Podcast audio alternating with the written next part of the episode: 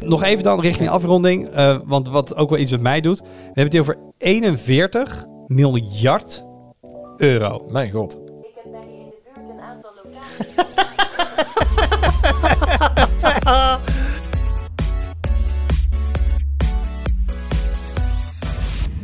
Hoi, leuk dat je luistert. Welkom bij een nieuwe aflevering van de Tweakers Podcast. Mijn naam is Wout en vandaag zit ik in de podcast met Thijs Hofmans, Hallo. met Joris Jansen Goedemorgen. En met Jurian Ubachs natuurlijk. Goh, ik hier? Jij hier? Ja, god, dat verwacht je niet. Ja, ik heb stiekem vakantie, dat weten de mensen helemaal niet. Maar eh, om het gewoon gezellig en leuk te maken, dacht ik, hé, hey, weet je wat? Ik kom in mijn vakantie gewoon lekker even aanschrijven voor de gezelligheid. Waarvoor dank. Ja, nee, graag gedaan. Ik vind het alleen maar leuk.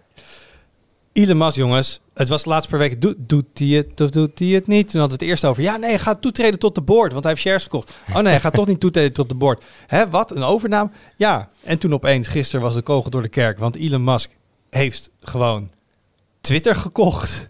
Ja. Zoals je als gekke multimiljardair kan doen. Als je denkt, ik wil een sociaal netwerk voor 41 miljoen, eh, miljard euro. Dan Ja. kan dat blijkbaar. Nou, we Vroeger had, je, vroeger had je rijke mensen zoals Carnegie en die kochten dan gewoon een grote concertzaal voor de grote cultuur en zo. En tegenwoordig doen rijke mensen dit. Ja. Ja, nee, we gaan er natuurlijk zo verder over praten. Maar wat ik alvast heel grappig vond, was er, er was iemand, ik ben even zijn naam vergeten. Die had in 2017 een Twitter-conversatie met Elon Musk. Waar, waar Elon Musk iets opmerkte over Twitter. En toen zei diegene, joh, koop het dan gewoon. En toen reageerde Elon Musk met, hoe duur is dat eigenlijk? En die, en die, en die persoon die reageerde vandaag met iets in de zin van, I may have made a big mistake. Nou, we gaan het er zeker zo meteen over hebben. Want we hadden al eh, stiekem op de redactie vandaag wat discussie erover. Dat je denkt, je kan het heel positief allemaal inzien. Maar misschien zijn er ook wel wat haakjes en oogjes te bedenken. Maar eerst natuurlijk de highlights. Thijs, wat is voor jou deze week jouw highlight? Eh, het is het onderwerp waar we het oorspronkelijk over zouden gaan hebben. Totdat Elon Musk besloot om Twitter te kopen. Kijk, deze jongen even door de vierde muur heen breken hier. Precies. Eh, de Digital Service Act is door de Europese Unie of Commissie, ik haal het altijd door elkaar, eh, aangenomen.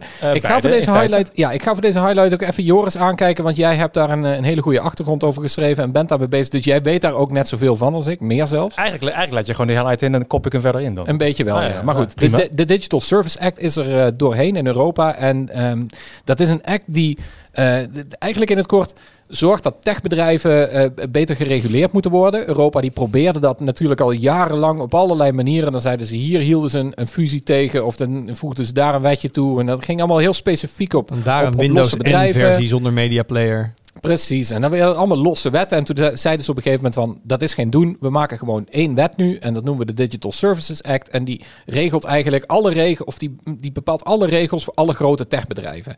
En er zijn een paar dingen die het regelt. Bijvoorbeeld ehm, hoe techbedrijven moeten optreden tegen bots. Maar ook eh, over interoperabiliteit met andere apps en zo. Dus het gaat onder andere over app stores, dat die open moeten worden. Net, dat, weet je, dat was altijd zo'n zaak van tussen Epic en Apple. Dat was dan één zaak waar dat bij speelde. En bij Android speelde weer een andere zaak. En met deze wet hebben ze gewoon gezegd van we gaan het allemaal in één wet vastleggen. Maar een van de belangrijkste of een van de meest controversiële dingen, en het raakt ook weer een beetje aan dat Twitter versus Musk verhaal straks, is dat techbedrijven straks harder moeten gaan optreden tegen wat ze nepnieuws en desinformatie noemen. En dat klinkt in het eerste gezicht als in, heel erg als, als iets waarvan ze zeggen van, dat klinkt op papier supergoed, maar de devil's in de details. En die details, die ja, hebben we geen idee van. Want hoe ga je dit in hemelsnaam doen? Dus dat wordt een, eh, een heel spannende tijd om te kijken hoe, dat, eh, hoe die bedrijven dat straks gaan oplossen. Ja, Eh, kijk Joris. Heeft het goed omschreven zo? Want eh, we hebben net verteld dat jij... eh, Ik ben helemaal stil. Ik, eh, ik hoef niks toe te voegen thuis verder. Nee. Maar we hebben het een tijd terug ook al eventjes gehad over dat, hè, dat WhatsApp dan ook, als je een grote chatdienst bent, dat je dan ook moet samenwerken met anderen en zo. Is dat ook Ja. allemaal dit hele grote pakket? Vol- volgens mij valt dat hier inderdaad ook wel onder. Nou, ja. om, om nog even terug te komen op die desinformatie. Dat is wel op zich wel interessant. Want er was een soort van redelijke balans hè, tussen de... Ja, van, van hoe ver wil je daarin gaan? Van, eh, laat je het aan de platformen over of ga je echt voorschrijven wat ze allemaal moeten doen? En in eerste instantie leek het erop alsof het, nou ja, er zijn allerlei regels, maar de platformen mogen wel soort van bepalen hoe ze het inrichten. Maar nu heeft bijvoorbeeld eh, de commissie, ik, ik weet niet of dat de commissie, maar in ieder geval last minute is er nog een soort van bevoegdheid voor de commissie bijgekomen. Dat zij kunnen zeggen van, hé, hey, er is nu een crisis. Kijk naar Oekraïne. Mhm. En dat vinden wij zo'n crisis dat, dat we op basis daarvan weer extra regels kunnen stellen. Want dit, dit, dit desinformatie, dat moet je nu verwijderen. Even, of even als voorbeeld, eh, daar valt bijvoorbeeld ook in dat, dat eh, de Europese Commissie sinds een paar weken eh, nieuwsuitzendingen van RT en van Sputnik, die twee Duitse of Russische staatszenders, die hebben ze gewoon verboden. Ja. Dat soort dingen zou onder de DSA makkelijker moeten kunnen worden. Dat is natuurlijk, ja, dat, Maar, maar dat is dus last minute ingefietst. Hè? Dus dat even kunnen zeggen van jongens, het is een crisis. Hoe je dat precies kan definiëren, wanneer wel, wanneer niet. Ja, Oekraïne kan je misschien zeggen, ja, dat is misschien wel een duidelijk voorbeeld. Maar er zijn misschien wel minder duidelijke voorbeelden in de toekomst. Precies. En dan kun je ook zeggen, van, ja, crisis. En dit is het hele ding natuurlijk een beetje, hè, van wanneer is iets nepnieuws en wanneer niet. En soms is dat super duidelijk en, en, en hoef je daar niet heel lang over na te denken. Maar mijn god zegt, dat is een wespennest waar je echt niet in wil gaan prikken volgens ja, mij. precies. En er zijn natuurlijk wel procedures, hè, van, er zijn van die trusted flaggers, van die mensen die er een beetje dan eh, kijk op hebben, experts die Ja. er dan over gaan. En Ja. je hebt natuurlijk eh, klachtenprocedures. En, en er zijn wel, op papier ziet het er wel redelijk uit, maar je kunt je afvragen of de balans wel helemaal goed gaat uitpakken. Maar Maar is dit Ja. één wet? Of is het een enorme paraplu waar ze eigenlijk allerlei verschillende wetten onder? Want ik hoor het, het gaat over zoveel verschillende dingen. Vooral Ja. een beetje dat laatste, ja. En dan heb je namelijk, dan heb je daarnaast ook nog de Digital Markets Act. En, en daar weet ik dan echt wel wat minder van, Joris. Ja, de Markets Act eigenlijk is een beetje zuster-broeder eh, wetgeving. De Ja. Markets Act is, is nog wat overkoepelender. Dat gaat echt over van eh, de, waarin grote partijen, de Googles, de Microsoft, de Apples als poortwachters zien. Ja, dus dan heb je echt het label, toch? Dan zegt de eh, EU Ja. zegt dan, jij bent een gatekeeper. Precies. En omdat jij een gate... Gefeliciteerd, je bent een gatekeeper. Eh, hier heb je een lijst met alle dingen waar je nu aan moet voldoen. Ja. En dat gaat voor mij uit van het idee dat als jij boven een bepaalde Ja, marktaandeel komt, dan, krijg je, dan gaan er gewoon andere regels voor. je. Dit, dit zeg maar Uncle Ben. Met great power comes great responsibility. Dus Ja.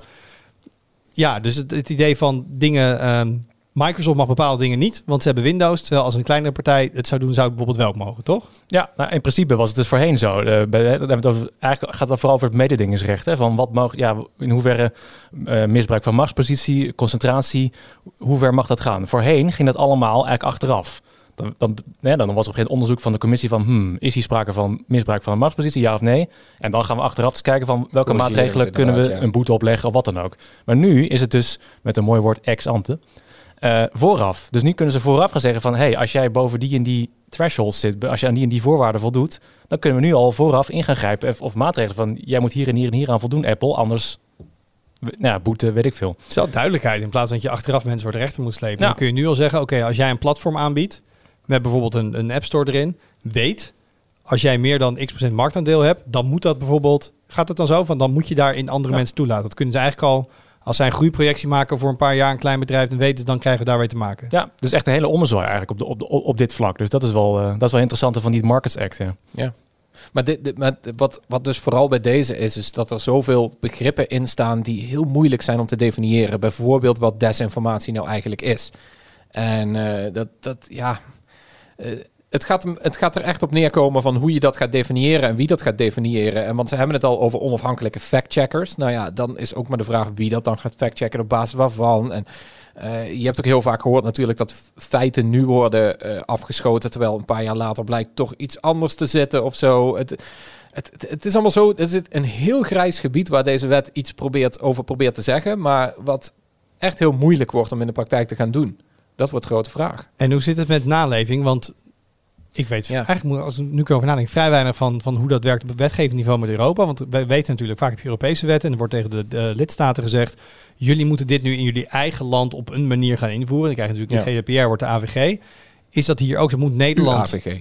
Wat zeg je? De UAVG hebben we in Nederland. Oh, de sorry. uitvoeringswet Algemene Verordening gegeven. Dus we zeggen al jaren AVG, dat was ook niet goed. AVG is een vertaling van GDPR.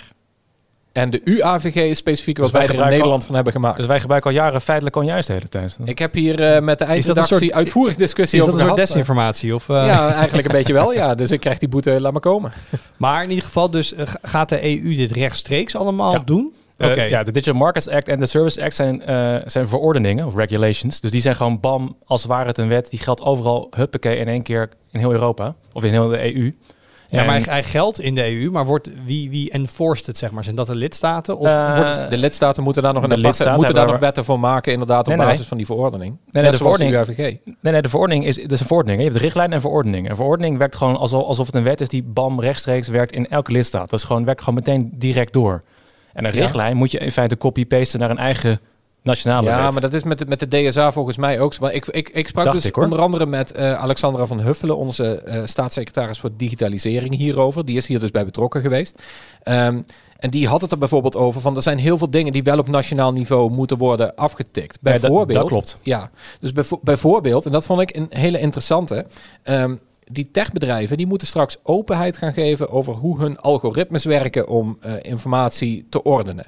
Zodat, je, zodat Europa kan controleren op basis waarvan bepaald nieuws wel en niet bovenaan komt in die lijsten.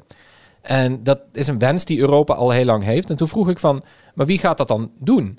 En eh, toen zei ze dus, want dat wordt die nieuwe algoritme waakhond. Want maar er moet een waakhond komen of een toezichthouder in iedere lidstaat. Net zoals we nu de autoriteit persoonsgegevens hebben. Dat is verplicht onder de AVG, moet ieder land daar een toezichthouder voor hebben. En zo komt er ook straks een algoritme toezichthouder hierop. En toen zei Van Huffelen van ja, wij waren dat al van plan natuurlijk, een algoritme waakhond. Dat stond al in ons regeerakkoord, dat, dat is al aangekondigd. Ja, zegt ze, waarschijnlijk gaat die dat doen. Dus ieder land moet daar wel iets van, eh, moet daar iets mee doen. Nou ja, dan hadden wij het geluk dat daar al een waakhond voor kwam. Maar ja, die wordt ook maar min of meer bij de autoriteit persoonsgegevens ondergebracht. Hè? Dus ook een beetje, Ja, is het nou echt een dat klopt. zelfstandige die echt body heeft? Of is het meer ik vond een- het sowieso wel een heel opvallend punt natuurlijk. Ehm, dat, dat werd aangekondigd, die algoritme waakhond, in wanneer hebben we een regering gekregen? Januari was het, hè? Toen werd er gezegd van, we gaan een algoritme waakhond doen. En er is nooit echt duidelijk geworden wat hij nou precies gaat doen. Maar, Algoritmes. ja, maar algoritmes is natuurlijk heel breed. En er werd toen gezegd, ook in de verkiezingsprogramma's in een anderhalf jaar daarvoor al, van die gaat toezien op discriminerende algoritmes bij de overheid. Allemaal ingegeven vanuit de toeslagenaffaire natuurlijk, van die algoritmes die daar worden gebruikt. En tot nu toe is er nog geen enkele officiële functie die die algoritme waakhond op papier heeft. Behalve deze, die dus niks met overheidsalgoritmes te maken heeft. Dit is weer een heel andere tak van sport. Dus ik, ja, ik, geef het, eh, ik geef het ze te doen wie uiteindelijk straks die toezichthouder mag gaan leiden. Nou ja, wat nog wel misschien interessant is, dat, dan moet je me even helpen thuis, die Ierse, dus de Data Protection Commission, de, of dat Ja, de DPC. Ja. DPC, ja. Die was natuurlijk echt best wel dominant in Europa, hè? want Facebook zit natuurlijk in Ierland, Ja. hè? dus dan hebben zij natuurlijk het, eh, Ja. nou ja, de, de, de, de PRIO hè, om onderzoeken te doen. Zij zijn de eerste aangewezenen daarvoor. Mhm. Maar die hebben toch een klein beetje ja, billenkoek gekregen in de... Ja, al meerdere keren. Ja. Die Meerdere worden keer- constant op de, op de vingers getikt omdat ze niet hard genoeg En optreden. nu ja. heeft, ik geloof dat er, ik heb even zitten neuzen, artikel, nou ja, pin me niet op, ik dacht artikel 50 van de Services Act, eh, dat de commissie in feite een soort van dat allemaal naar zich toe trekt. Dus de ja, commissie er komt, er komt in krijgt- ieder geval een overkoepelende algoritme waakhond. En Nou een ja, dat- toezichthouder. En op die hele Services Act trouwens komt daar een overkoepelende toezichthouder. Maar er komen ook nationale toezichthouders. Worden tenminste wel banen gecreëerd hier. Zeker, ja. Maar, wel, maar, ja. maar de commissie pakt in feite het, het, het, ja, de, de, de, de, de, de lead bij die DPC gewoon weg. Dus het, het, wordt, het, wordt, Ja. het wordt een stuk Ja, centraler. een beetje denk ik. wel, Dus dat ja. is wel Ja. ook wel interessant. Ja, en waarschijnlijk ook wel een goed ding als ik het zo hoor. Maar goed, dat zal van de uitwerking gaan afhangen. Ja. Maar je zei net, eh, het is nu door de commissie. Het is aangenomen. Wanneer gaat dit dan allemaal? eh, Wat is de ingangsdatum? Ja, ik geloof dat er nog een paar formele stapjes, maar dat zal, eh, dat, dat, ik geloof dat het formaliteiten zijn. Ik, ik meen te zeggen eh 15 maanden nadat het echt in het staatsblad, EU-staatsblad, eh, gepubliceerd is. Dat, en of 1 januari 2024, wat er eerder komt of later, ik weet niet meer. Oké. Nou, 15 maanden is eerder. Maar in ieder geval, eh, ja, dus in ieder geval, ze gaan maar uit van 1 januari 2024. Dat is ongeveer het eh, moment dat het ingaat. Nou, lekker tempo. We hebben het nu goed gekeurd. En we Ja, maar is Europa. Dat gaat allemaal stroperig altijd. Nou, dat zeg je nu, maar je zegt ook dat Europa allemaal waakhonden gaat doen en allemaal processen. Dus ik, als alles altijd maar stroperig gaat, dan... Ja, maar dit is ook een beetje, je de, ook, ook, ook een beetje het, leuke tussen aanstekens van EU-recht. hè. Het is, dit is vaak, ja, Jongens, van je bent de enige persoon op deze redactie die het woord leuk en EU-recht denk ik ja in hoor, zin ik, kan eh, eh, ik duik er wel in. Alright, eh Jur. Over dingen die snel gaan gesproken. Over dingen die snel gaan. Nou, nee. Over dingen. sorry. Over dingen die wel snel gaan, maar die ook eigenlijk heel lang geduurd hebben. Want eh, het snelst gaande spelletje van het jaar, normaal gesproken, krijgt eindelijk VR-ondersteuning. Officieel, bij launch, meteen. Het gaat gebeuren, Wout. Ik zie Wout helemaal, helemaal glimmen, helemaal glunderen. En waar heb ik het over? Formule 1 game van Codemasters, die al eh, sinds jaar en dag ergens in de zomer eh, verschijnt. Eh, krijgt dit jaar officieel op de PC eh, ondersteuning voor VR.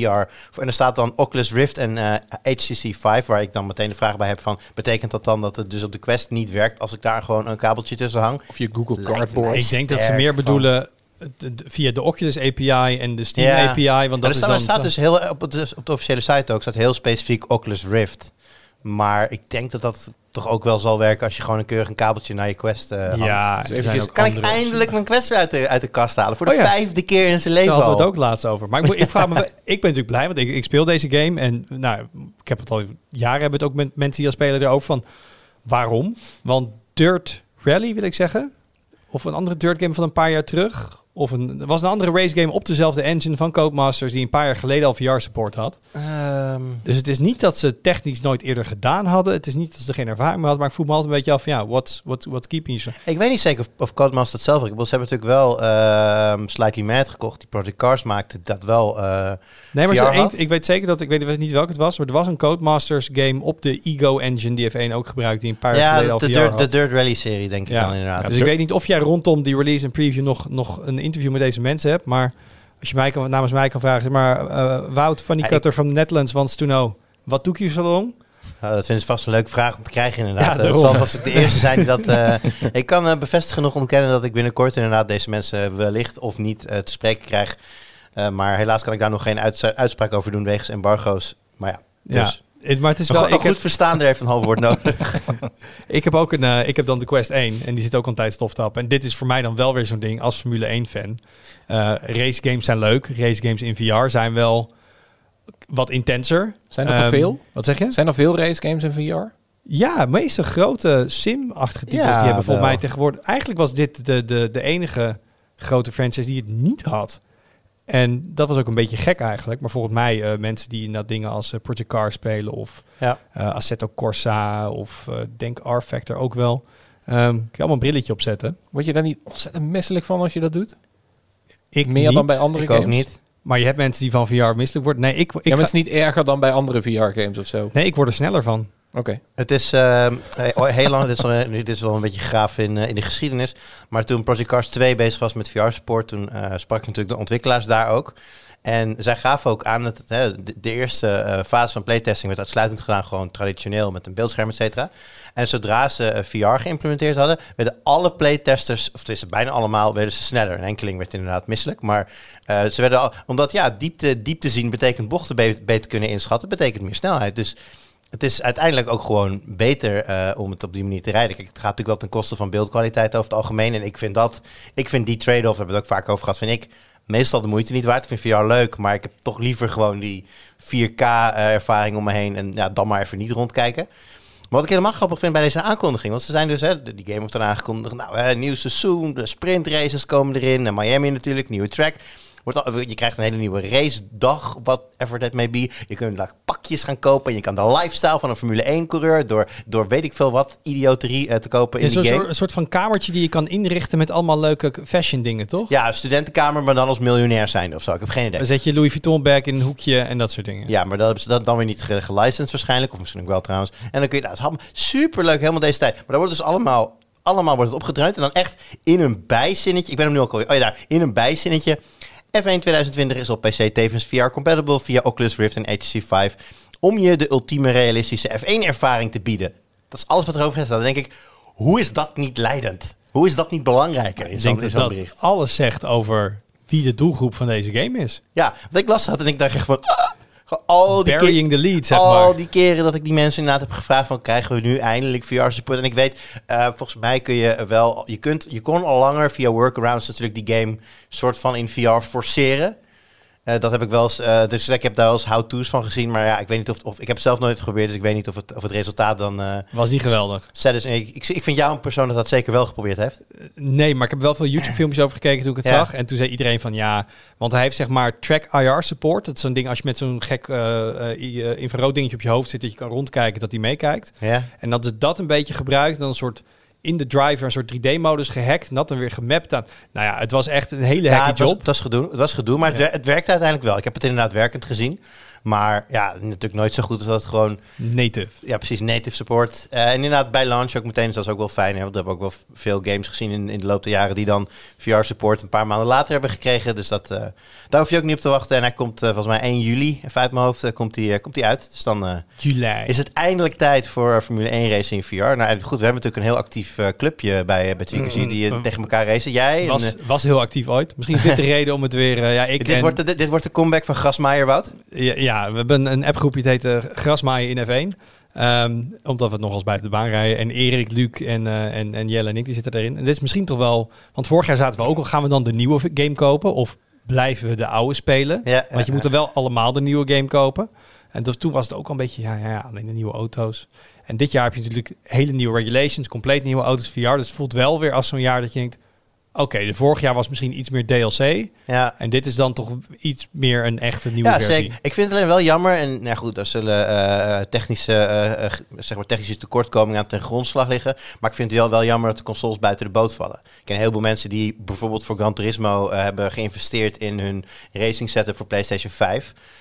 Die krijgt die VR-mode in ieder geval zo, voor zover nu Geen bekend is. nee. Dus Nee. niet. Nou, we, dat er een, een, een, nieuwe versie van PSVR aankomt, ehm, is dat toch wel raar. Of is, is het in ieder geval raar dat er niets over gezegd wordt. Een, een bijzinnetje als het is nog niet duidelijk of dit te realiseren valt. Of, of we gaan later kijken naar, naar de mogelijkheden om het naar PSVR te brengen. Ja. Maar het wordt gewoon niet gezegd. Staat alleen voor PC en dan Rift en HTC 5. Ja, vind ik wel jammer. En het is ook niet de aller, allerzwaarste game. Dus een PS5 zou je ook je zou best wel de, de balans moeten kunnen vinden tussen en de VR-modus en het nog een beetje oké eruit laten zien. Ja. Dus eh, misschien wachten ze wel op de release van de PSVR 2. Ja, nee, goed. Kijk, dat het er niet staat, betekent natuurlijk ook niet dat het niet komt. Maar het is gewoon, had laat het fijn geweest om het nu alvast te weten. Maar wellicht. Ze moeten het nog een beetje kunnen teasen. Maar nog, maar nog heel even. Jullie hebben dus bijna je quest in de, in de, in de kast liggen. Dus, dus is dat omdat er toch te weinig aanbod is? Of omdat na Half- Half-Life Alex alles tegenvalt? Of Nee, dat is omdat ik nu een heel groot huis heb. Heel veel kasten. Dus ik kan overal dingen in kasten stoppen. Oh ja. Nee, nee, maar ja, nee, wel dat. Ehm, maar ook wel de moeite. Gewoon als je, is het heel veel moeite? Nee, binnen vijf minuten heb ik hem actief. Maar ja, binnen één minuut of minder dan dat heb ik mijn PlayStation aan. Of zit ik gewoon achter mijn PC iets te doen of whatever. Zeker als ik straks Steam Deck heb, want dat, is- dat is ook. Ik zie ook mijn halve timeline op dit moment zit aan Steam Deck. Praat over hoe een fantastisch nieuwe gameervaring dat dan weer is. En op de een of andere manier ontbreekt gewoon bij mij de trigger om heel vaak mijn Oculus te pakken. Eh, same. Ik heb dan iets als zo'n zo'n zo'n AAA-title als Half-Life Alex, dan Ja. moet ik dat Ja, spelen. maar dat is meteen buiten categorie. Kijk, er zijn heel veel games, net een categorietje eronder. En op de een of andere manier triggert dat toch niet genoeg om, ja, om, om echt mee aan de slag te gaan. En is, als ik ze dan speel, denk ik, ah ja, Best wel één vet. keer in een paar maanden. Ik moet wat vaker, ik weet even niet hoe die game heet, maar je zit op een, eh, is een soort eh, diorama in een diorama in een diorama. Ik weet niet of je die game kent. Het soort miniatuur, je zit op een schip. En dan zie je daar een, een modelletje van de, de map voor je. En dan kun je daar weer induiken. Nou, het is een heel erg trip. Het is, het is een soort Christopher Nolan film. Een soort Inception. Toen ik dat speelde, dacht ik ook... De, de Fisherman of zo was het. Ehm, toen dacht ik, oh, dit is echt heel erg vernieuwend. Wat tof. En toen heb ik het uitgespeeld. En toen dacht ik, oké. En toen, toen- dat werd me aangeraden. Dus dat heb ik even gespeeld. Dus om de zoveel tijd wordt me iets aangeraden. En dan speel ik het. Maar voor de rest inderdaad. Ja, ik, ik moet in eh, ik moet, eh, Formule 1 race, eh, lieve Joris. Dus misschien dat dat dan weer de reden is om het weer te gaan doen. Maar Joris, wat, ja, je, dat- je had een gedeelde highlight met Thijs. Maar heb je, heb je ze zelf ook nog eentje? Eh, ja, ik zei net eh, hè, Europees recht en, en leuk. Hè? En daar heb ik nog wel een item in, in, in dat kader. Je kunt er nooit genoeg van Nee, hebben. nee, heerlijk. Als dit ergens wel een beetje jammer. Dit is eh, artikel 17. Dan, dan gaan natuurlijk bij Thijs meteen... eh, hè, oh, dat is natuurlijk de uploadfilter. Hè? Tuurlijk. Ja. Eh, dat is onderdeel van de auteursrechtrichtlijn. Dat is weer een heel andere... Nou, niet helemaal ander, maar toch wel ja, weer een andere wet zeg maar, uit de EU. En die is al eh, jaren geleden aangenomen. En die moet dus echt daadwerkelijk omgezet worden hè, in elke lidstaat. Maar eh, daar was nog wat gesteggel over... Met eigenlijk het meest heikele punt van die wet. eh, de uploadfilters. Want er is een artikel, artikel 17... Die zegt eigenlijk, of, of eigenlijk die, die wet is, en misschien even heel kort uitleggen, is meer, min of meer bedoeld om ja, u- uitgevers en auteurs een beetje te, nou ja, financieel een, een, boost te geven, heel simpel gezegd. Want het idee is natuurlijk van, ja, oké, Google die, die pakt, hè, die, die, die, die aggregeert al dat nieuws. En dan vinden adverteerders het wel leuk om bij die nieuwsaggregatoren daar gewoon te adverteren. En niet bij het, de uitgever zelf, hè, bij, Ja. bij het artikel zelf. Dus dan lo- lopen die auteurs dan dus inkomsten mis. Nou, en op die manier ook met eh, gewoon andere eh, partijen. En daar willen we daar willen we een soort balans in aanbrengen. En artikel 17 zegt dus eigenlijk van oké, als platform mag je best eh, auteursrecht, als auteurs- auteursrechtelijk beschermd materiaal uploaden of, of, of op je platform hebben. Maar dan moet je wel toestemming hebben van die rechthebbende. En dan kan je dus denken aan, licenties of dat je gewoon hè, individueel, dat is natuurlijk wel heel moeilijk, maar individueel gaat vragen van, goh, mag ik jouw werk op mijn platform hebben? Ehm, als je dat niet doet, als je die toestemming niet hebt, en, je, en het komt toch op je platform door, door dat het user dat gewoon uploaden, eh, dan kan je aansprakelijk gesteld worden. Dus dan hangt er meteen een behoorlijk donkere wolk boven zo'n platform. Dus wat gaan die platforms dus doen? Die gaan natuurlijk proberen door allerlei licentiedeals dat soort gevaren af te wenden. Maar eh, ja, er er is ook altijd de mogelijkheid dat er iets doorheen glipt of dat er toch geen toestemming is en er wordt toch iets geüpload. En dan ja, eh, kan je aansprakelijk worden gesteld. Dus wat gaan ze dus doen? Dat is bijna onvermijdelijk. Eh uploadfilters instellen. Om, om dat risico af te, af te dichten, ja, dat risico te vermijden. En eh, ja, dat is natuurlijk meteen dat de vraag van, oké, uploadfilters, maar die zijn niet geavanceerd genoeg. Die zijn niet zo goed om onderscheid te maken tussen hè, de wettelijke uitzonderingen van hè, de, de pastiche, ook zo'n mooi woord. Of de, hè, de, de parodie, of de, de, meme. pastiche. De pastiche, dat zijn voor mij van die, ja, pin me niet op vast, maar voor mij van, zijn, zijn van die afbeeldingen, van die oude, van die, eh, nou ja, in ieder geval, het, het zit een Ja. beetje in de, in, de, in de hoek van de parodie en de, in ieder geval de, de uitzondering, waar je gewoon wettelijk beschermd, of gewoon hè, de werken mag gebruiken. Ik zeg, nee, nee, nee. Dit is geen kopie. Dit is een pastiche. Pastiche, ja, ja. Het oude piracy-argument, maar dan modern gemaakt. Ja. Ja. precies. Eh, dus dus ja, de, de- die categorieën mogen gewoon. Maar hoe gaat zo'n filter nou precies weten dat die categorieën eh, er doorheen mogen kunnen? Dat, dat, ja, die filters zijn dat is lang. Ja, ik denk als we gewoon een smart blockchain trainen met een goed AI machine learning algoritme, dat we er wel komen, toch? Ja, dat zou je misschien denken, maar dat, de, nou ja, er zijn al genoeg computerwetenschappers die zeggen van joh, die dingen zijn helemaal niet, nog lang niet zo geavanceerd. Dus er gaat ongetwijfeld overblocking plaatsvinden. Dat er gewoon te veel geblokkeerd wordt. En dat is natuurlijk weer de vraag van ja, maar dan is dat is dat eigenlijk de vrijheid van meningsuiting of weer, wordt weer in feite ja, Beperkt. beperkt. Dus Dat is wat, wat, wat Polen dus ook specifiek had gezegd. Ja, ook precies. Tegen En- het en- Europees Hof van Justitie. Het hele, nu, nu is het niet, eh, Polen heeft de, Polen, notabene, dat is ook een beetje apart. Polen is dan niet meteen de staat, of de lidstaat waar je denkt van, voor vrijheid. die komt op zo. voor de fundamentele vrijheden, jongens. Maar dan zou je eerder aan Duitsland denken. Maar goed, Polen die dacht toen van, ah, we gaan ze even een hak zetten. Daar komt het eigenlijk een beetje op neer. En die heeft dus gewoon de, de, de, de Europese Raad en de Commissie min of meer aangeklaagd van, jongens, artikel 17 vinden wij in strijd met het handvest van de EU, namelijk waar, waar, de vrijheid van meningsuiting in staat. Dus wij willen eigenlijk artikel 17, bepaalde bepalingen die over die filter dan min of meer verplichting die, die daarover gaan, die willen we eruit. Nou ja, de advocaat-generaal, dus zeg maar die adviseur van de rechters, die hebben al gezegd van eh, het is, nee, helaas, artikel 17 is gewoon in strijd, of is niet in strijd met de vrijheid van meningsuiting. En de rechters gaan daar nu, zijn er ook in meegegaan. Ze hebben wel een aantal waarborgen van je moet wel echt zorgen dat het, nou ja, dat je vooraf zeker weet dat het echt over manifestly infringing eh, content gaat. Dus het moet echt heel duidelijk inbreuk maken. Alleen dan mag je het. Er zijn allerlei, ja, wel waarborgen soort van ingebouwd. Maar de rechters hebben dus artikel 17 wel overeind gelaten. Dus die upload filters Die gaan er komen. gaan er ongetwijfeld komen. Ja, die gaan er komen. Die zijn, dan, zijn die er op dit moment al? Wordt dat al heel veel gebruikt? Mm, ja, ik weet niet of, of je Nou, YouTube, of YouTube. Content ID. Ik weet niet of je dat echt Ja, al... Dat is ook een uploadfilter. Dat Als ik daar gewoon lekker een speelfilm upload, dan zegt hij waarschijnlijk wel van... Nee, er. Ja. En vooral met muziek gebeurt het snel. Maar goed, het, het grote verschil is natuurlijk... Van voorheen kon je niet aansprakelijk gesteld worden als platform. Als er iets op je... Hè, dan moest je individueel achter die gebruiker aan die het geüpload had of zo. Maar nu worden die platforms zelf verantwoordelijk. Dus die, zijn, die gaan natuurlijk alles in het werk stellen om nou ja, die aansprakelijkheid te ontlopen. En dat is voor een YouTube nog wel te doen natuurlijk. Hè. Die hebben geld zat en die kunnen dat wel regelen. Maar ja, wat als een opkomende start-up... Zoals, zoals alles in Europa gericht op waarvan ze hopen dat dat ooit nog eens een bloeiende tech-industrie wordt. Precies, Eh, ja. En dan kun je ook weer zeggen dat deze wetgeving daar niet echt bij helpt. Want ze hebben natuurlijk wel weer wat bepalingen die dan weer de kleinere spelers uitgezonderd. Uitzonderen voor drie jaar enz enzovoort. Maar eh, ja, de, de- voor de kleinere spelers is het natuurlijk een stuk moeilijker om al die grote, alle, alle uitgevers en dergelijke van hè, die licentiedeals af te sluiten en al die Ja. aansprakelijkheid zeg maar af te dekken. Dus dat is ook wel weer een puntje. Dan denk ik van, hmm, Ook weer mooi eh, werkgelegenheid. Want nu gaan er gewoon diensten komen die zeggen van... hey, wil je als kleine uitgever, werk jij met eh, user-generated content? Ja. Pak onze cloud-based SaaS-oplossing, content filter eh, met mooie API. Nou ja, daar is ook weer in die zin kritiek op dat een, een, een speler als Facebook gaat natuurlijk wel zo'n efficiënt filter kunnen ontwikkelen. En dan wordt dat misschien wel de maatstaf. En dan moet er straks al, iedereen moet in feite dat filter van Facebook overnemen. Want ja, dat is gewoon dus de de facto standaard. Ja, brengen ze een whitepaper uit, zeggen ze, kijk eens hoe open wij zijn. En dan, eh? Nou ja, goed, maar eh, dan, dan, dan, dan ja, maak je in feite ook weer de werkgelegenheid. Natuurlijk doe, doe je weer een soort van teniet. Want dan is er weer de ene grote speler die eigenlijk dan de boel bepaalt. maar dan krijg je Dus- dus concurrentie op de markt. Dan moeten dus andere bedrijven ook goede uploadfilters gaan verkopen. Ehm, maar dit is nu eh, opgehouden, of, of in ieder geval in stand eh, gehouden door de rechters. Ja. Ehm, wat is de datum hiervoor? Ja, op een manier vast. Want ik, eh, het, het is al in 2019 aangenomen. En ze moeten, geloof ik, hebben ze een jaar of drie om het om te zetten. Het moet echt, dat echt, is nu. echt in een copy-paste. Moet het gewoon in, in nationale wet, eh, moet het in elke lidstaat worden omgezet. En daar was allemaal weer gedoe over. Want één, wat, wat, Nederland was geloof ik ook zo'n beetje klaar. Maar andere landen nog helemaal niet. En heel veel, we zitten er echt wel midden in in de implementatie. En ja, en ja, ja. En heel veel landen hebben ook wel gewacht specifiek op dit punt van wat die rechter hierover zou gaan zeggen. Dus waarschijnlijk ga je nu wel krijgen dat er wat meer tempo... En, eh, en wel goed om te zeggen natuurlijk, dit geldt voor mij voor alleen voor platforms wiens primaire doel het is om ook eh, user-generated content eh, een platform te bieden. Dus voordat mensen nu vragen, hé, maar moeten we dan op het forum bij Tweakers, moeten we daar ook allemaal uploadfilters zeggen? Wij zijn dan weer eh, vrijgesteld hiervan. Dat wil niet zeggen dat je nu van mij eh vrijbrief hebt om allemaal copyrighted shit op het forum te gaan zetten. Alsjeblieft niet. Ehm, maar in ieder geval, dat, dat geldt natuurlijk wel. Wij, wij zijn geen Facebook. Klopt. Ehm, of andere sites met een comment functie. Eh, want dan wordt het wel, dan zou het net wel heel breed uitgegooid worden. Dan heb ik nog een korte highlight. Wat doe je als bedrijf als je een beetje reuring over een, een product wat eraan komt, maar je wil geen marketinggeld uitgeven? Lekker.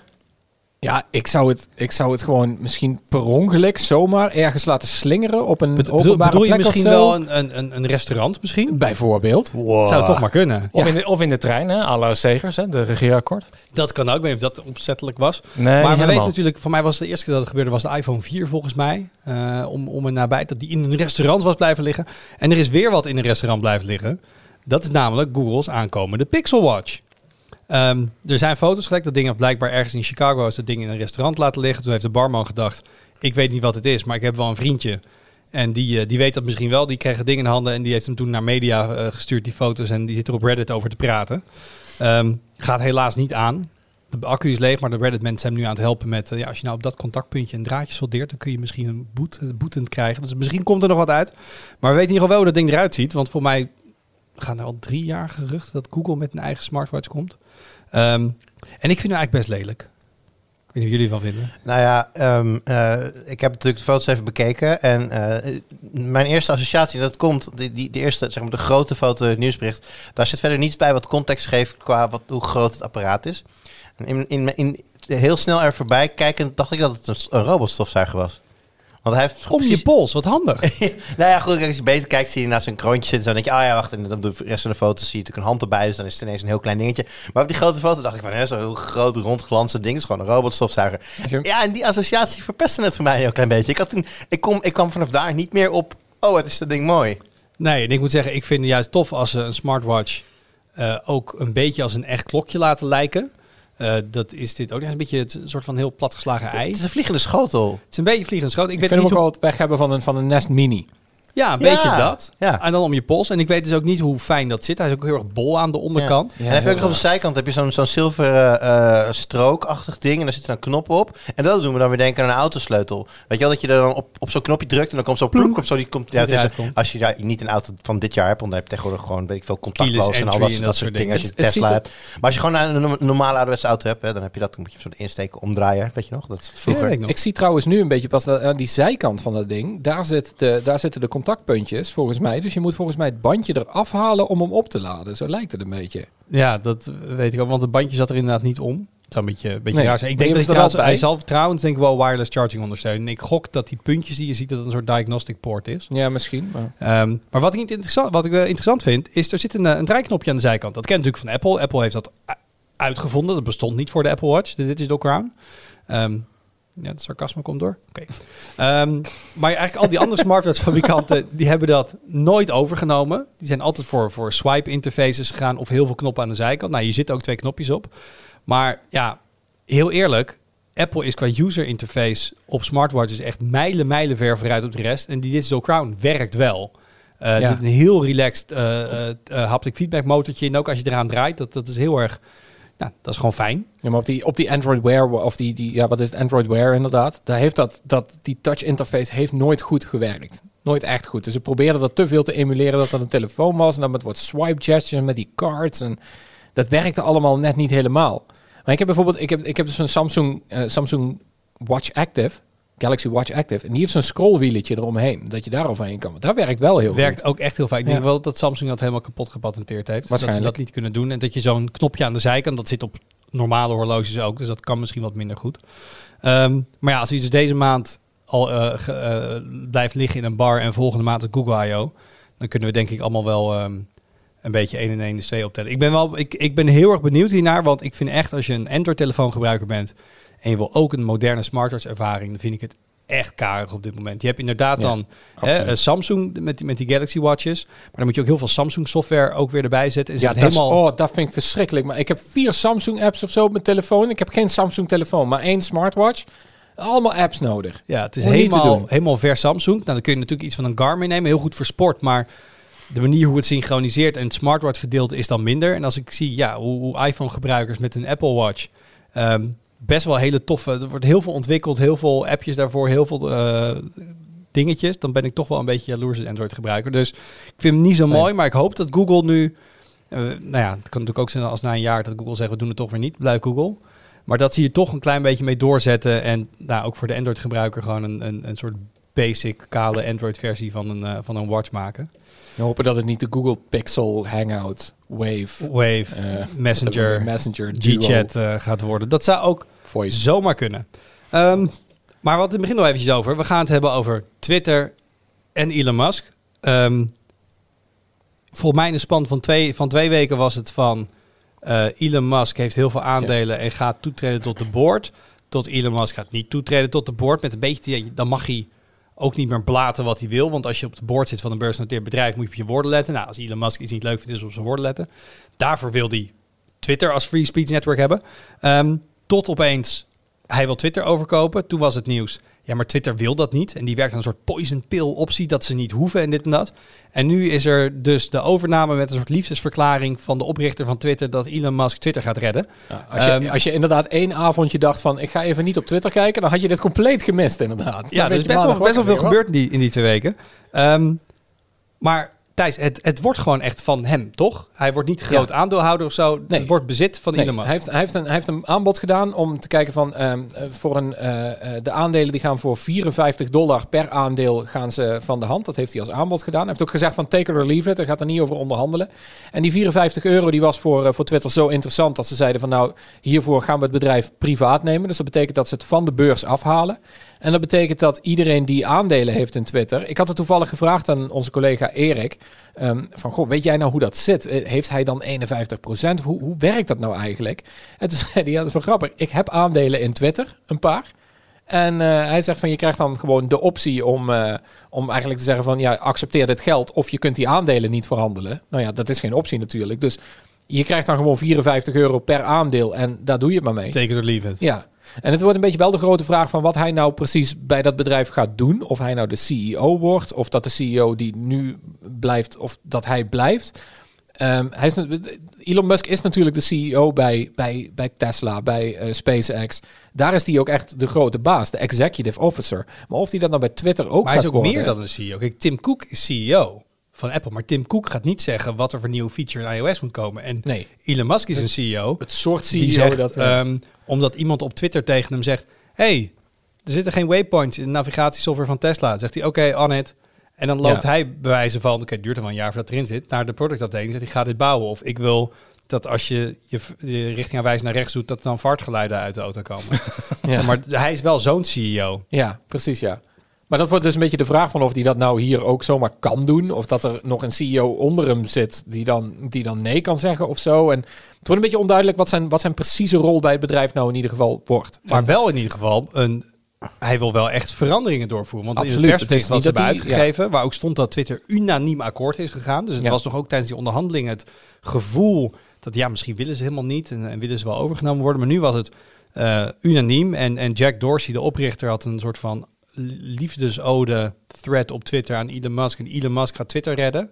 Ehm, maar wat in het persbericht heel duidelijk staat, is eh, het algoritme komt op GitHub te staan. Ja. Super specifiek. Ja, Ehm, want het, het moet zeg maar transparant zijn over hoe we een, een timeline maken. En iedereen die op het platform zit, die moet geverifieerd worden. Want hij wil alle bots weg. Eh, Dat vind ik een heel goed punt. Eh, en je wil eigenlijk met echte mensen daar kunnen, kunnen communiceren. En als ik die twee dingen hoor, denk ik, nou, volledige transparantie van eh, de tijdlijn. Wat mensen natuurlijk ook bij eerdere social netwerken altijd zeiden. Van zodra het algoritmisch wordt, dat is eigenlijk allemaal niet goed. Dan krijg je bubbels. En alle botjes weg. dus het is dat toch, is toch, het is toch waanzin toch dat, iemand goed? dat zomaar kan, kan, kan zeggen. En Nou ja, het- ik, vind, ik vind het vooral waanzin dat. Of nou, waanzin. Ik vind, ik vind het heel moeilijk. Want er zijn twee dingen die ik vervelend vind eh, in het algemeen eh, op internet en op, eventueel op Twitter. eh, die hij deels oplost en deels tegenin gaat. Ik vind bijvoorbeeld eh, de, de, de vele anonieme eh, gebruikers op Twitter die over het algemeen nou, toch wel vrij stevige standpunten innemen, omdat nou, het zijn anoniempjes, hè. Dat wordt altijd gezegd van, joh, niet, eh, reageer niet op anoniempjes, want het zijn trolls, whatever. Dat vind ik heel vervelend, dus dat dat zou verdwijnen, vind ik goed. Tegelijkertijd vind ik het een best groot goed om anoniem te kunnen zijn op internet. Ja, maar en dat haalt hij dus ook weg. Dus, en ik weet letterlijk niet wat ik vind hiervan. Nou, vergis je natuurlijk ook niet. Op Facebook reageren mensen wel met hun gewone naam, toenaam en gekoppeld met wat hun familie is en wat hun baan is. Daar houdt mensen niet echt tegen om op Facebook ook net zo, net zo niet veel hun gal te spuwen. Nou ja, je, eh, je moet een keer voor de, grap, voor de grap de Facebookpagina van de NOS openen en dan de reactie eens lezen. Dat is geen grap, maar dat, dat is namelijk een beerput. Dat, Ja. dat, dat doen mensen ook met naam en toenaam. Dus ik vraag me af of anonieme, anonimiteit daarin gaat helpen. Ja. Maar ik vind het vooral raar dat een beetje... Kijk, wat ik, wat ik zo... Wat, wat, wat ik zo'n zure smaak van in mijn mond krijg van deze, deze hele situatie... is dat Elon Musk doet hele toffe dingen met hele toffe bedrijven. Bijvoorbeeld SpaceX. En er is een heel vet boek uitgebracht, laatst een jaar geleden. Liftoff van Eric Berger. Dat kijkt naar de vroege jaren van SpaceX.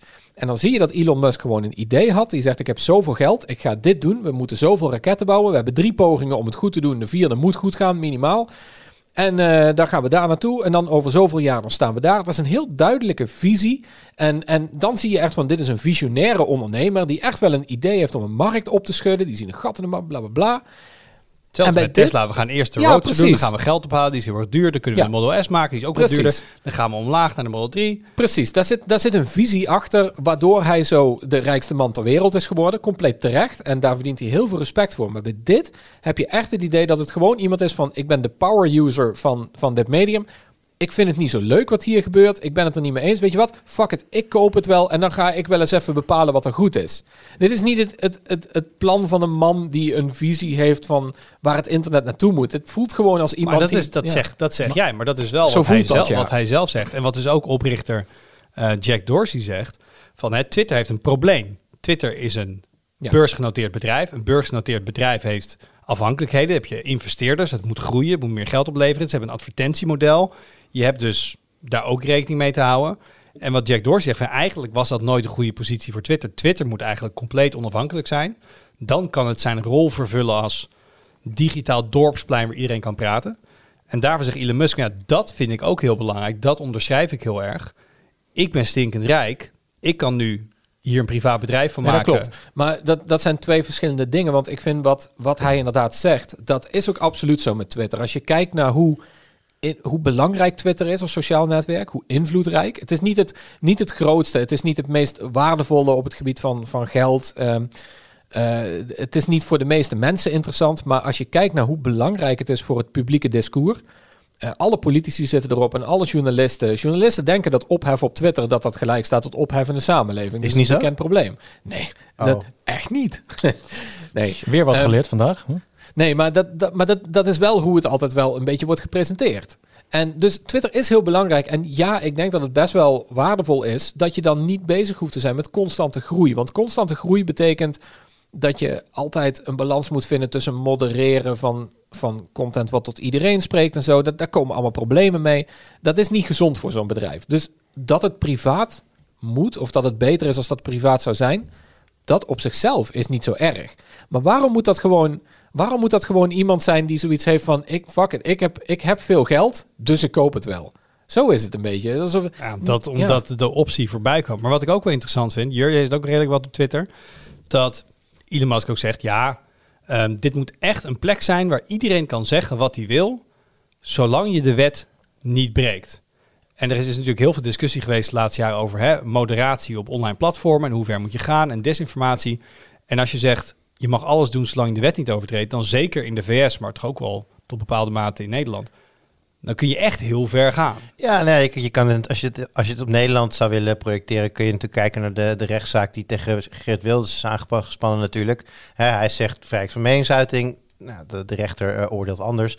Ehm, maar dat, dat is waar je, eh, dat zijn de, dat zijn de, de, de, de spanningsvelden waarin je terecht gaat komen. Iemand die gebruik maakt van zijn recht van, van, eh, van meningsuiting, vrijheid van meningsuiting moet ik zeggen. En daarmee bijvoorbeeld mensen discrimineert. En ja, wat, wat telt dan en wat telt dan niet? Ja, dat wordt, dat wordt dat wordt iets waar ik waarschijnlijk geen onderdeel meer van wil zijn, waarschijnlijk. Maar hetzelfde als Trump. Ik bedoel, die is door Twitter van het platform gezet. Niet omdat hij de wet overtreden had. Maar tegen, ja, wat, wat jij doet is eh, inciting eh, violence, dat soort dingen. En onwaarheden, dat is voor onze huisregels al genoeg om jou eraf te zetten. Als je de grens, de goalpost verschuift naar de wet breken... dan had denk ik Donald Trump nog steeds op Twitter gezeten op dit moment. En ja. dan had ik Maar niet de goede zaak gevonden. Nee, maar er zijn, er zijn heel veel netwerken die op dit sociale netwerken die op dit moment zeggen van bij ons mag je alles zeggen eh, tenzij je de wet overtreedt. Ehm, twee dingen daaraan. De eerste, die platformen zijn niet leuk. Eh, Gap en Parler, die zijn allemaal opgericht met dat idee van al, een soort anti-Twitters, weet je wel. Ehm, maar je hebt ook al heel lang, heb je 4chan en, en, en al die Reddit-clones zoals Vote en Ruckus en zo. Ja, ik weet niet of je daar wel eens geweest bent. Dat is verschrikkelijk. Dat is gewoon Ja. één grote beerput van, van racisme, porno en antisemitisme. Ja, Ja, het is echt niet leuk voor een gemiddelde gebruiker om dat te zijn. En het, het, het tweede daarbij is dat het probleem met wat tegen de wet is, dat is natuurlijk een ontzettend moeilijke scheidslijn.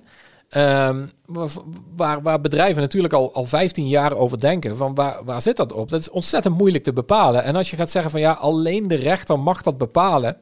Ja, ik vraag me af of, of, of de rechtsstaat daar dat de voldoende capaciteit daarvoor heeft om dat te kunnen. Of je al dat soort dingen alleen maar bij. Omdat, dat je iedere tweet die je wil verwijderen, dat je daarvoor naar de rechter moet. Dat is ook geen doen. Dus je moet op de een of andere manier een moderatiesysteem hebben.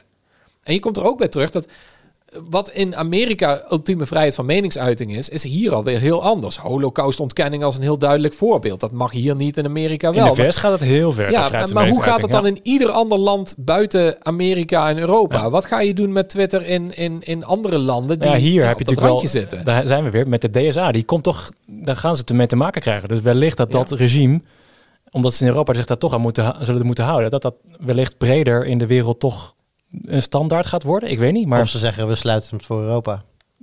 zou Ik kom nog steeds Zou op kunnen. websites terecht die zeggen, omdat we Ja. zoveel om jou geven, mag je de website niet zien. Ja, heel veel Amerikaanse sites zeggen, ja, we kunnen helaas niet voldoen aan de Europese regels voor privacy. Dus je, bent, je mag helaas onze content niet lezen. We vinden je heel belangrijk, al vier jaar lang. Ja, Maar ik bedoel, is, is wat je zegt, hè, de, de, Joris, de, de DSA, is dit beeld van Musk een online discussieplatform met als enige grens wat illegaal is?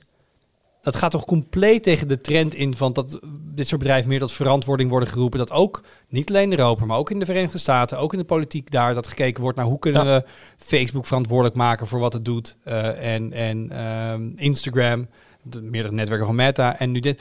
Dus het voelt ergens bijna een beetje naïef om te zeggen. Nou, dat is de stroom van de politiek, van de wetgeving. Ja. En, en ik ga er gewoon helemaal tegen in, toch? ik ben wel benieuwd, Klopt. wat, ik ben wel benieuwd wat, wat, er, gebe- wat er gebeurt als, als het hem dat gevraagd wordt. Als je nou bijvoorbeeld eens die tweets van Trump erbij pakt, die hè, eh, in de aanloop naar de bestorming van, van het Capitol. Volgens mij is dat, ja, Ja. correct me I'm wrong, volgens mij is dat de Ja. voornaamste reden dat dit eigenlijk definitief eh, van het platform gegooid is. Als je dit nu aan hem voor zeg van joh, d- eh, dit is getweet, dit is wat er is gebeurd. Ja, ik ben heel benieuwd hoe, hoe een Musk daar dan op reageert. Vindt, vindt hij dan oprecht dat de tweets van Trump er niets mee te maken hadden, bijvoorbeeld? En als hij dat niet vindt, zoals hij vindt dat daar wel een, een verband in zit, is hij het dan niet mee eens dat dit inderdaad, een terechte schorsing heeft opgeleverd voor Trump? Ik ben gewoon, ik, ik, ik ja, ik, nee, ik, ik, How weet, does ik weet dat- mind work? ja, ik weet dat niet. Ik ben, als hij inderdaad vindt dat je dat wat, hè, als, als je dan zegt, nou, hij heeft niet, eh, misschien, misschien heeft hij wel een wet overtreden, misschien heeft hij inderdaad een menigte opgezet tot, tot, tot geweld en hij kan, zou een rechter vinden dat dat inderdaad zo is. Nou, dan heb je dus ook grond om hem van Twitter te gooien. Maar als dat niet zo is, en je zou dan volgens de nieuwe regels die Musk dan zou willen zeggen, eh, nee, dan moeten we hem houden. Ik ben, ik ben heel benieuwd hoe hij die casus eh, überhaupt interpreteert. En daarbij mogen dan medewerkers van Tesla die vinden dat ze niet goed betaald worden, mogen die een union starten en daarvoor gaan lobbyen op Twitter? Want ik bedoel, hij is Twitter, ook ja, niet bekend nee. om de persoon die het meest meegaand is met, met rechten van werkers en dat soort dingen. Ik bedoel, dan moet je ook echt wel, als je daar zegt, moet je ook B zeggen. Dus ja, ik vind het lastig. Het is iets wat van op papier kun je zeggen, nou oké, ultieme vrijheid van meningsuiting. Ergens klinkt dat als, wow, wat goed dat iemand zijn halve vermogen erin gooit om dat te waarborgen, zeg maar. Maar in Ja. de praktijk, de haken en ogen die eraan vastzitten, Ja, dat. Maar ik vind het ook, ik vind het ook een heel raar, eh, een rare, ehm, eh, een raar idee dat dit probleem van wat is vrijheid van meningsuiting nou eigenlijk op die platformen, welke discussiepunten zitten daar aan, welke grenzen zitten er aan, waar ga je wel, wat ga je niet toelaten. Dit zijn deze problemen rondom moderatie, daar hebben platformen zoals Twitter, maar ook Facebook, zoals YouTube, zoals alle sociale netwerken hebben hier last van. En die hebben hier al 15 jaar zitten ze hiermee.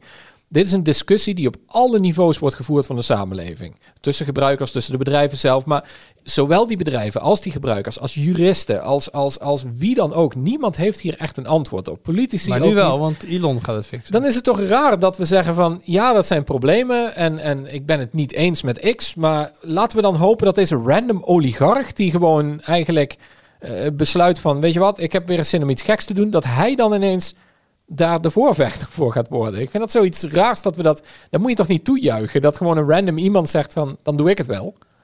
Dat vind ik vooral een beetje vreemd. Nou ja, Jack Dorsey had ook zijn aandelen kunnen doneren en zeggen van joh, geef het dan aan een stichting of zo. Maar hij denkt ook van ja, eh Musk kan het kopen. Ik ben. eh, Ja, hoeveel aandelen heeft hij? Ja, dat dit, klopt. Dit, hij is een van de weinigen die het kan en niet wil. En ja, daar hebben we het mee te doen. En ja, laten ik, heb zoiets van laat het, maar, la- laat het er maar waarmaken. Hij doet natuurlijk alweer op zijn, eh, op zijn Musks weer wat eh, leuke uitspraken van eh, dit doen we op GitHub en dit gaan we doen, dat gaan we doen.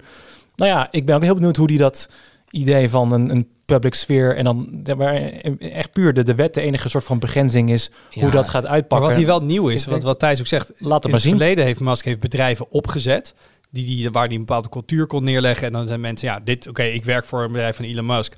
Ik weet wat mij ja, te wachten je staat. weet waar je aan toe bent. En dit is voor mij de eerste keer dat die, voor mij Tesla is officieel ook, was ook een andere oprichter. En dat soort, Ja. Maar dit is de eerste keer dat die echt een bedrijf wat al heel lang bestaat, overneemt. Zeg, ik kan het en wel daar, beter, ja. Daar aan het roer gaat staan. En ik vraag me echt wel, als jij zeg maar gewoon productontwikkelaar bent binnen Twitter en je werkt al anderhalf jaar, doe je user research naar de beste manier om een edit-functie te implementeren. En op, opeens staat Elon naast je bureau en zegt, ja, maar ik wil die knop gewoon hebben. Dus aan de ene kant zou ik het fijn vinden, we zijn niet meer publicly traded, dus het geeft bepaalde vrijheden. Maar aan de andere kant, ja, het- hoe relaxed is het als je een baas hebt die eigenlijk op elk niveau de, een bedrijf denkt van, ik, ik kan dit beter, zeg maar. Ja, en het is toch nu al waanzin om te bedenken dat hij zulke fundamentele dingen zegt te willen doorvoeren.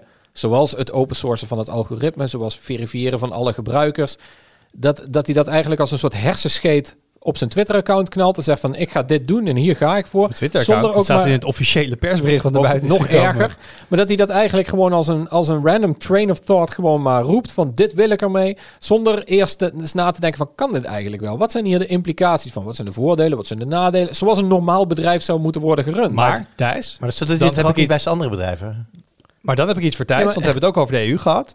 En die zeggen ook van die dingen die heel erg mooi zijn, in de praktijk heel lastig. Van we gaan dit in Europa doen, we gaan dat in Europa doen. Nee. En ze hebben geen idee hoe het dan in Dat de is- praktijk zou moeten werken. Ik snap wat je probeert te grappen hier, maar dat is wel echt, dat is helemaal niet hoe het gaat. Bij Europa is er een plan van, dit willen we. En dan vervolgens gaan ze discussiëren met z'n allen van, wat zijn hier de voor- en nadelen van? Hoe komen we tot die conclusie? Wat kunnen we doen om dat mogelijk te maken? En er wordt heel veel over en weer gegaan. Er wordt informatie ingewonnen bij de bedrijven. Ook niet Iets perfect, want er veel, zijn iets lobby's. te veel bij de Tuurlijk, bedrijven. dat is ook allemaal niet perfect.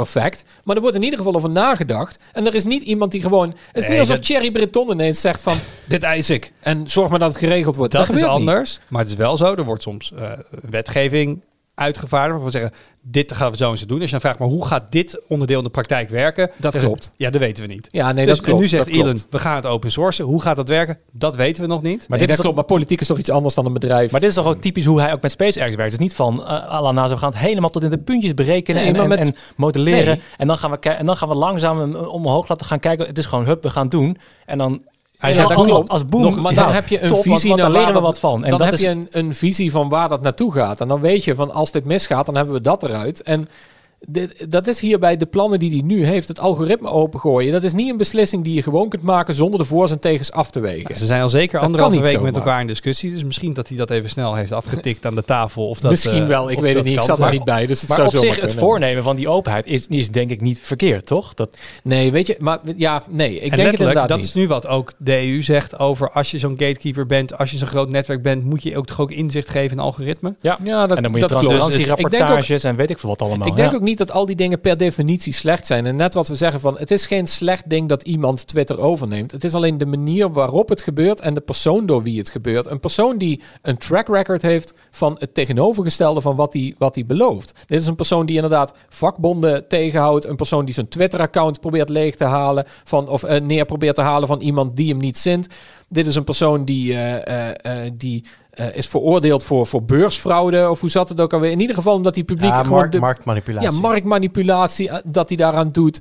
Eh, dit is niet een persoon die doet wat hij zegt dat hij wil gaan doen. En dat steekt me vooral een beetje, of daar heb ik een beetje Een een, zure smaak van. Ja, ik ben er heel fel op, hè? dat merk ik merk je. dat ja. het wel iets met je doet. Ja, dat merk je. En nog een ander ding, wat, wat ook misschien wel steekt.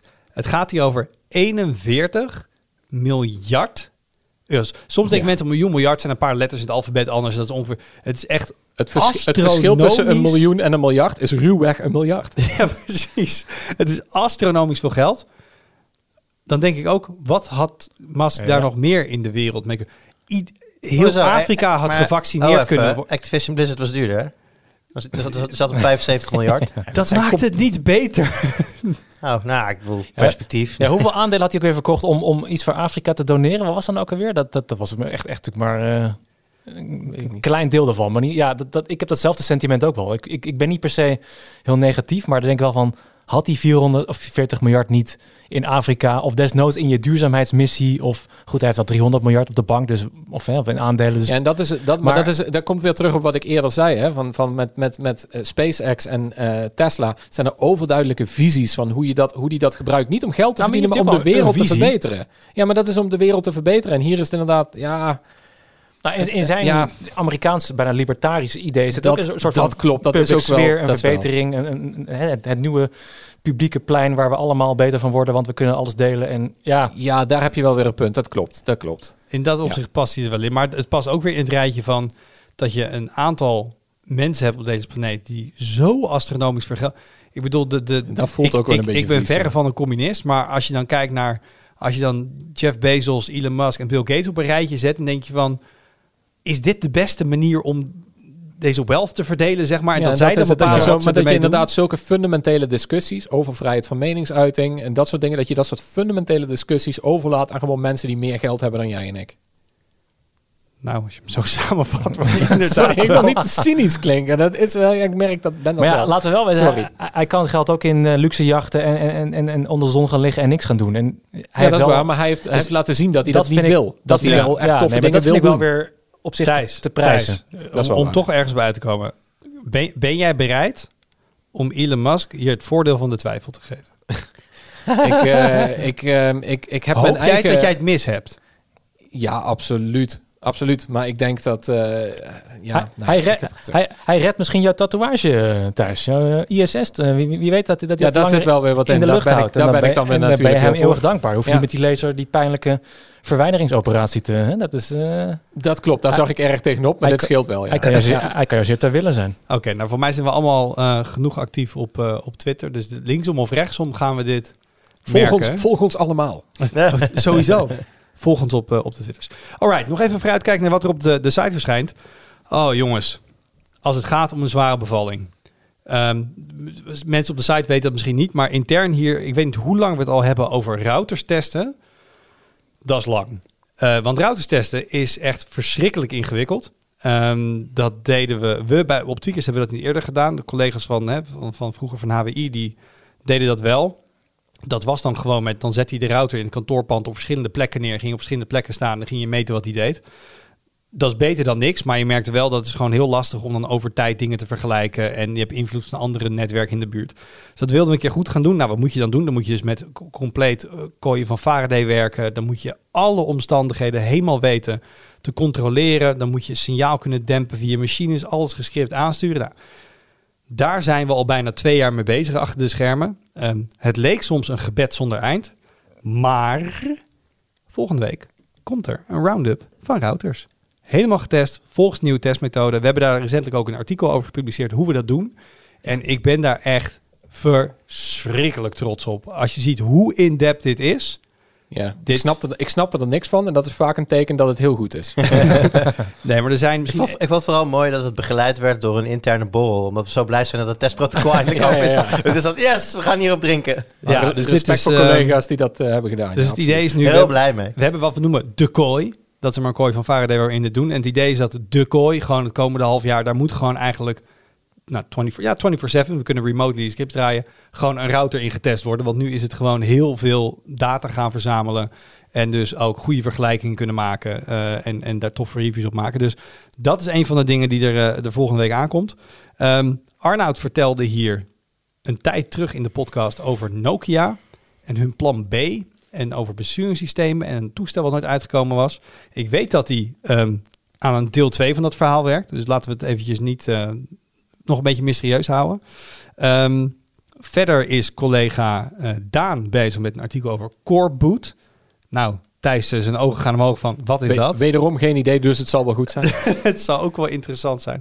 Ehm, nou, Jur, die zei vorige week al van, voor mij moet je niks verwachten. Want ik ga lekker met vakantie. Je bent al Nee, met mijn vakantie. uh, eerstvolgende werkdag, uh, nou, we nemen dit uh, de dag voor Koningsdag op, bij uitzondering niet op woensdag. En mijn, de volgende echte woensdag, voor mij is dat 4 mei, is ook weer mijn eerste werkdag na vandaag. Dus uh, nee, ik uh, verwacht van mijn hand uh, voorlopig even niks. Nou, ga jij daar, uh, voor, tussendoor Joris, die volgt de DSA uh, waar we het over hadden. Oh, iedereen die, die zich enorm verheugt over uh, toestanden over artikel 17, die kan zijn lol op straks. Arti lol en EU-wetgeving. Zit jij Ja, in hoor. diezelfde, dat Venn-diagram van Joris, hou je van lol en van EU-wetgeving? Ja. Dan, uh, dan uh, zal Joris ervoor zorgen dat er binnenkort leuke stukken verschijnen.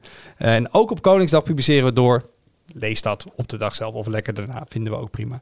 Ah, er komt gewoon een review trouwens van mij op Koningsdag Online. Dat nog wel. Ja, een bargatje ja, Koningsdag. Uh, Switch Sports, de opvolger van het ooit zo schitterende. Iedereen stond ooit uh, in zijn huiskamer te tennissen en te te Wii-sporten. Te inderdaad. Uh, tipje van de sluier. ik vond het niet zo heel tof. Want, maar ik ben ook niet echt de doelgroep. Ik denk wel dat hele als mensen met bijvoorbeeld gezinnen van een beetje jonge kinderen gauw aankopen, niet over nadenken. Dit gaat helemaal tof zijn. Gewoon lekker bowlen met je kinderen, tennissen, voetballen, whatever, zwaardvechten, het, allemaal. Alleen ik had gehoopt dat het, dat het wat vetter zou voelen dan destijds Wii Sports en Wii Sports Resort deden.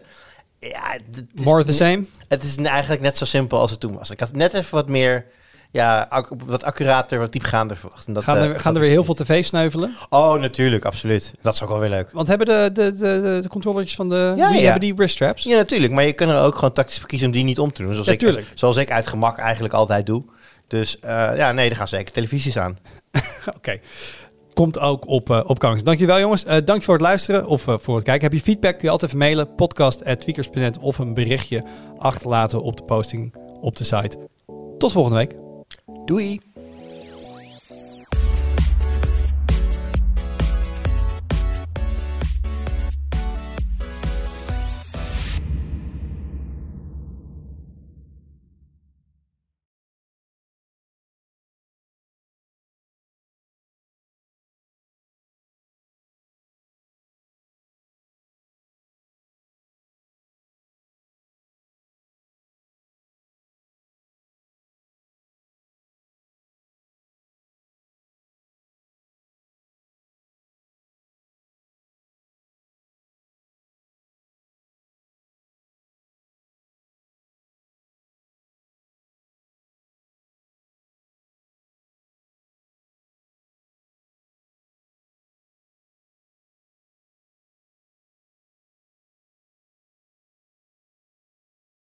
Nog even dan richting afronding, uh, want wat ook wel iets met mij doet. We hebben het hier over 41 miljard euro. Mijn god. 41 miljard euro. Ik heb bij je in de buurt een aantal locaties.